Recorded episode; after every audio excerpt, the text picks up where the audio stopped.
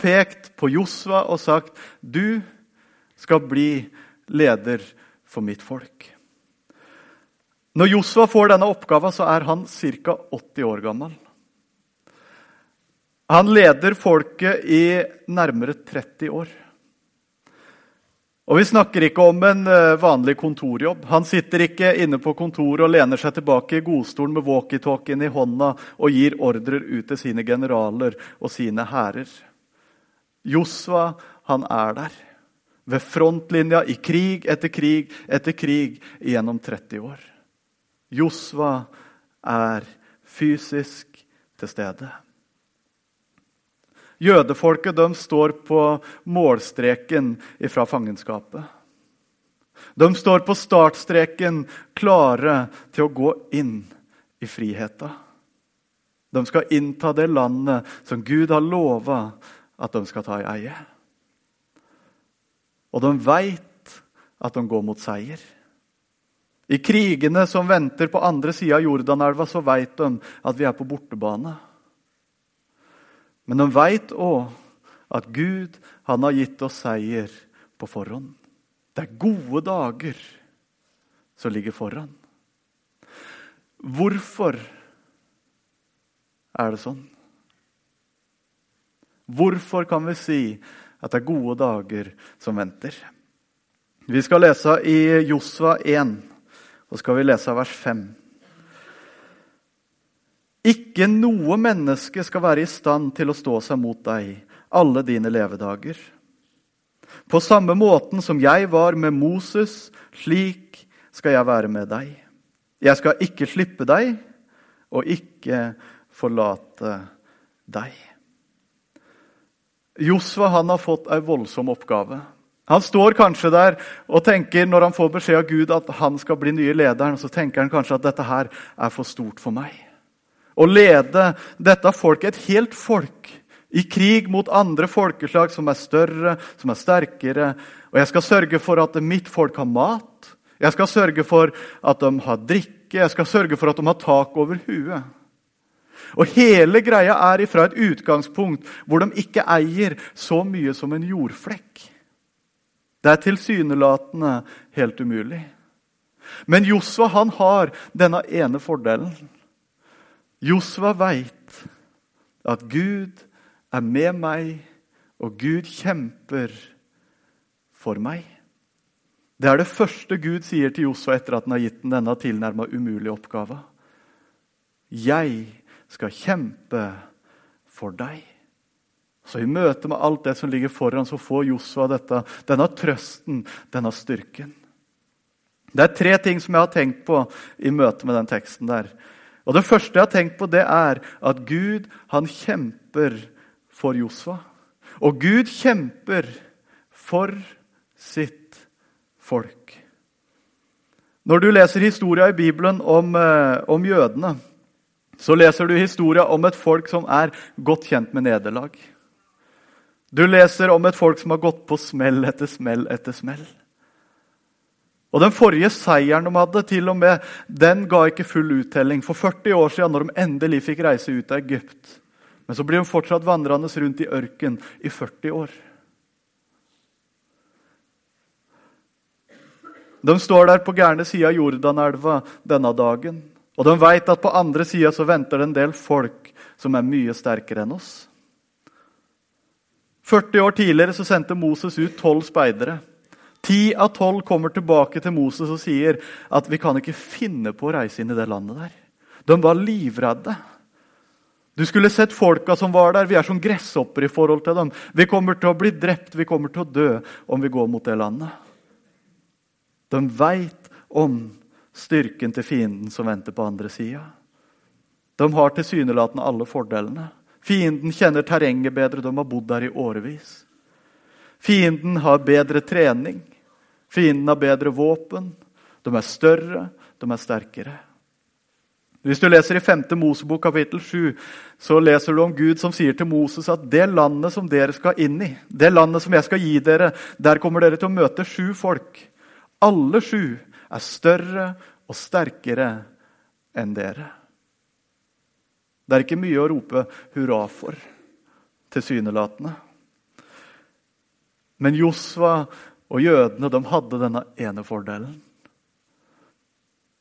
Den ene fordelen som overgår alt annet. Gud kjempa for dem. Og det var det som ga dem seier. Vi kan hoppe over hele Josvas bok, og så kan vi gå til kapittel 23. De har vært gjennom jeg tror det er 20-21 kriger eller noe sånt. Nå. Og Så kommer vi til kapittel 23, og så skal vi lese vers 3 og vers 10 etter at alt er over. Dere har sett alt det Herren deres Gud har gjort med alle disse folkeslagene for deres skyld. For det er Herren deres Gud som har stridd for dere. En av deres menn driver bort tusen, for Herren deres Gud er den som strider for dere, slik han har sagt til dere. Gud kjempa for sitt folk. Et folk uten land. Et lite folk. Et folk som egentlig står tilbake for alle andre. Og så tok de i bruk ressurser fra himmelen. Ressurser fra Gud. Ressurser som var større og bedre enn alt det du kan få på denne jorda. Gud kjempa for Josva. Jeg skal ikke slippe deg, og jeg skal ikke forlate deg. Du så hvordan jeg var med Moses. På samme måten skal jeg være med deg. Og da har Josva ingenting å frykte.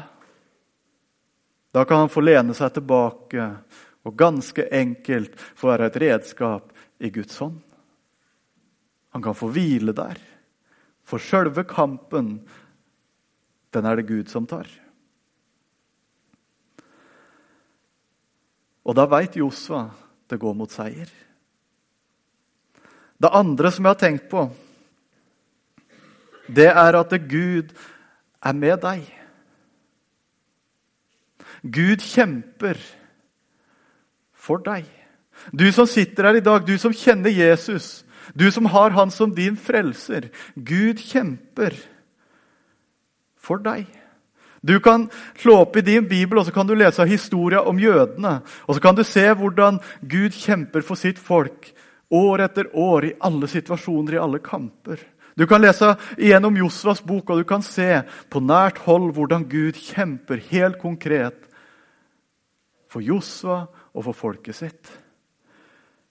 Men du kan òg slå opp i din bibel, og så kan du få lese hvordan Gud sier at 'jeg skal kjempe for deg'.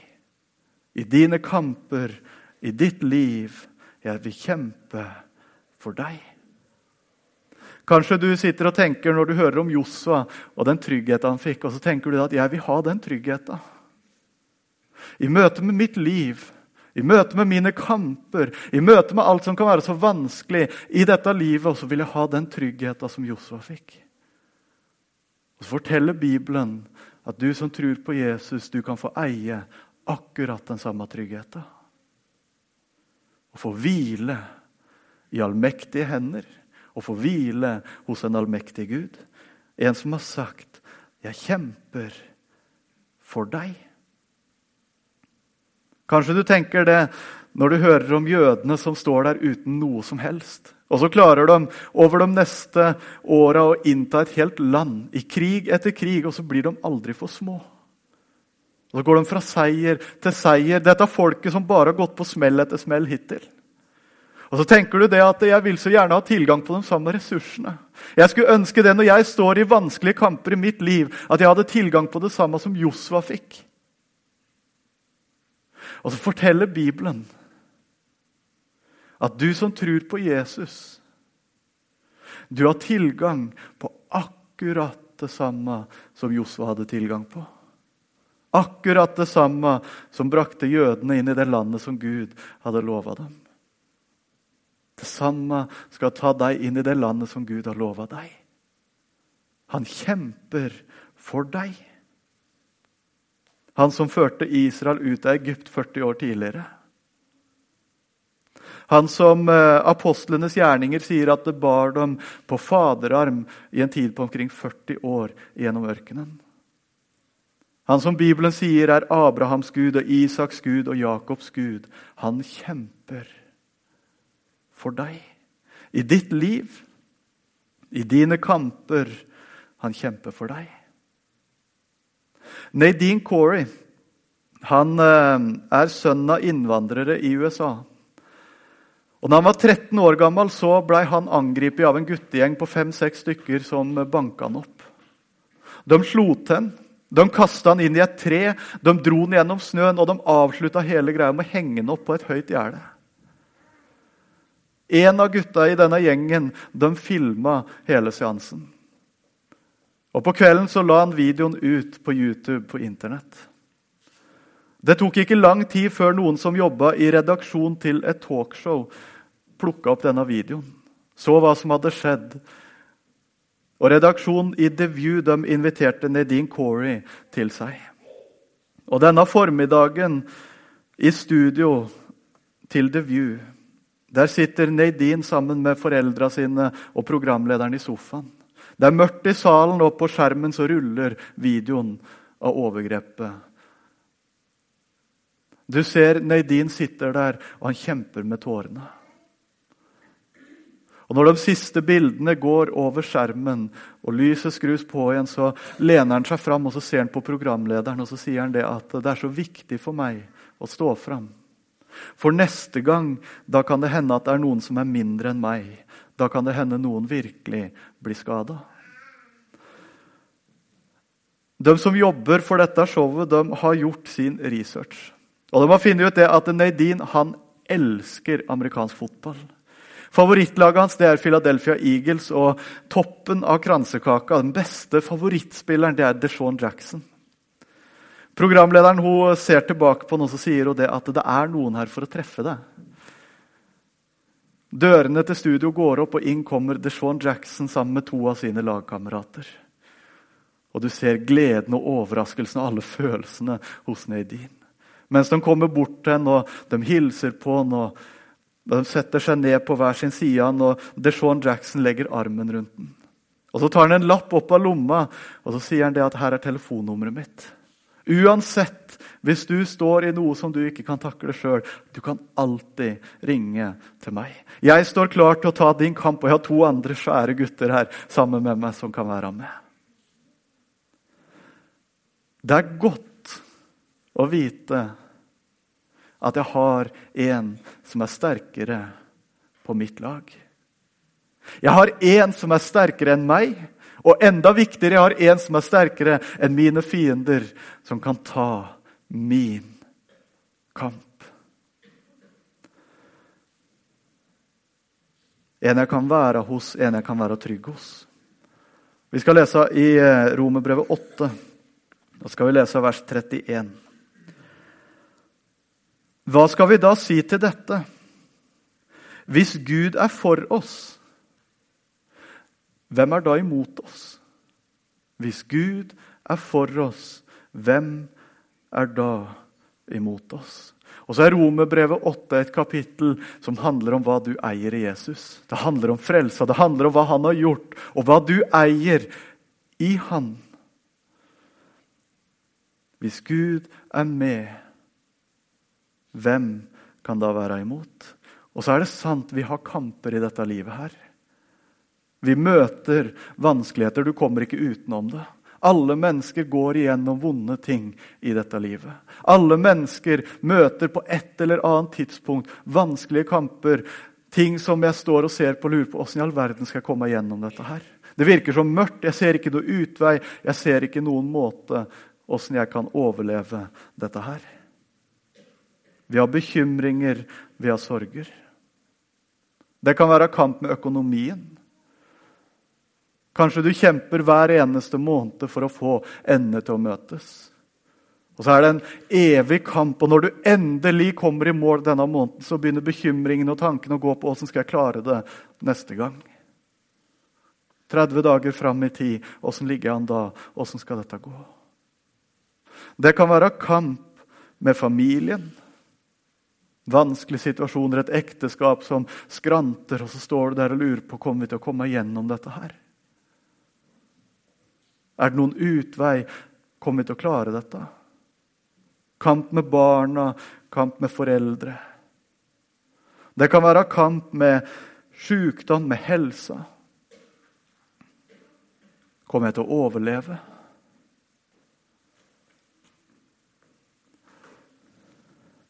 Det kan være kamp med myndighetene.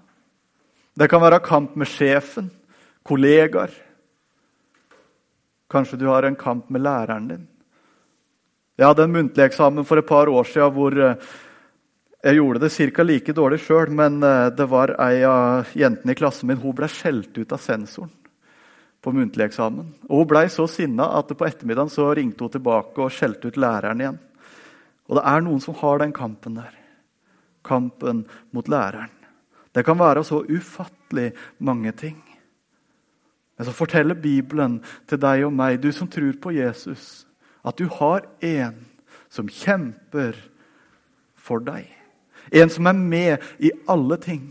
En som ser akkurat hva du står oppi akkurat i dag. Og hvis Gud er med, hvem kan da være imot? Og Så fortsetter Paulus i Romerbrevet. Vi skal lese vers 38 og 39. For jeg er overbevist om at verken død eller liv, verken engler eller myndigheter eller makter, verken det som er nå eller det som skal komme, verken høyde eller dybde eller noen annen skapning skal være i stand til å skille oss fra Guds kjærlighet, den som er i Kristus Jesus, vår Herre. Og så sier Gud til Josva, 'Jeg skal ikke slippe deg, og jeg skal ikke forlate deg'. Vi kan lese i Salmenes bok òg, i Salme 118, vers 6-9. Herren er ved min side, jeg skal ikke frykte. Hva kan et menneske gjøre meg? Herren er for meg, han støtter dem som hjelper meg. Derfor får jeg se ned på dem som hater meg. Det er bedre å ta sin tilflukt til Herren enn å stole på et menneske. Det er bedre å ta sin tilflukt til Herren enn å stole på fornemme menn. Nå skal vi lese i Hebrebrevet 13, vers 6. Derfor kan vi frimodig si, Herren er min hjelper, jeg skal ikke frykte. Hva kan et menneske gjøre meg? Hva kan et menneske gjøre meg? Og så er det sånn at et menneske kan gjøre mange ting imot meg. Et menneske kan svikte meg dolke meg i ryggen, si stygge ting til meg, si stygge ting om meg. Et menneske kan gjøre av meg mange ting. Men Gud kjemper for meg. I en annen salme så står det Dette vet jeg, at Gud er med meg. Gud kjemper for meg. Han som er full av nåde. Han som er full av kjærlighet. Han som har lova å ta seg av sine barn. Han som kjenner deg. Han som veit akkurat hvor du er akkurat nå. Han som kjenner dine kamper, dine vanskeligheter, veit hva du møter. Han som har vært i samme situasjoner. Bibelen sier faktisk om Jesus at han har prøvd i alle ting for at han skal komme dem til hjelp som tror på han. Han veit hva du går igjennom. Han som har all makt, han som veit alt, han som kan alt.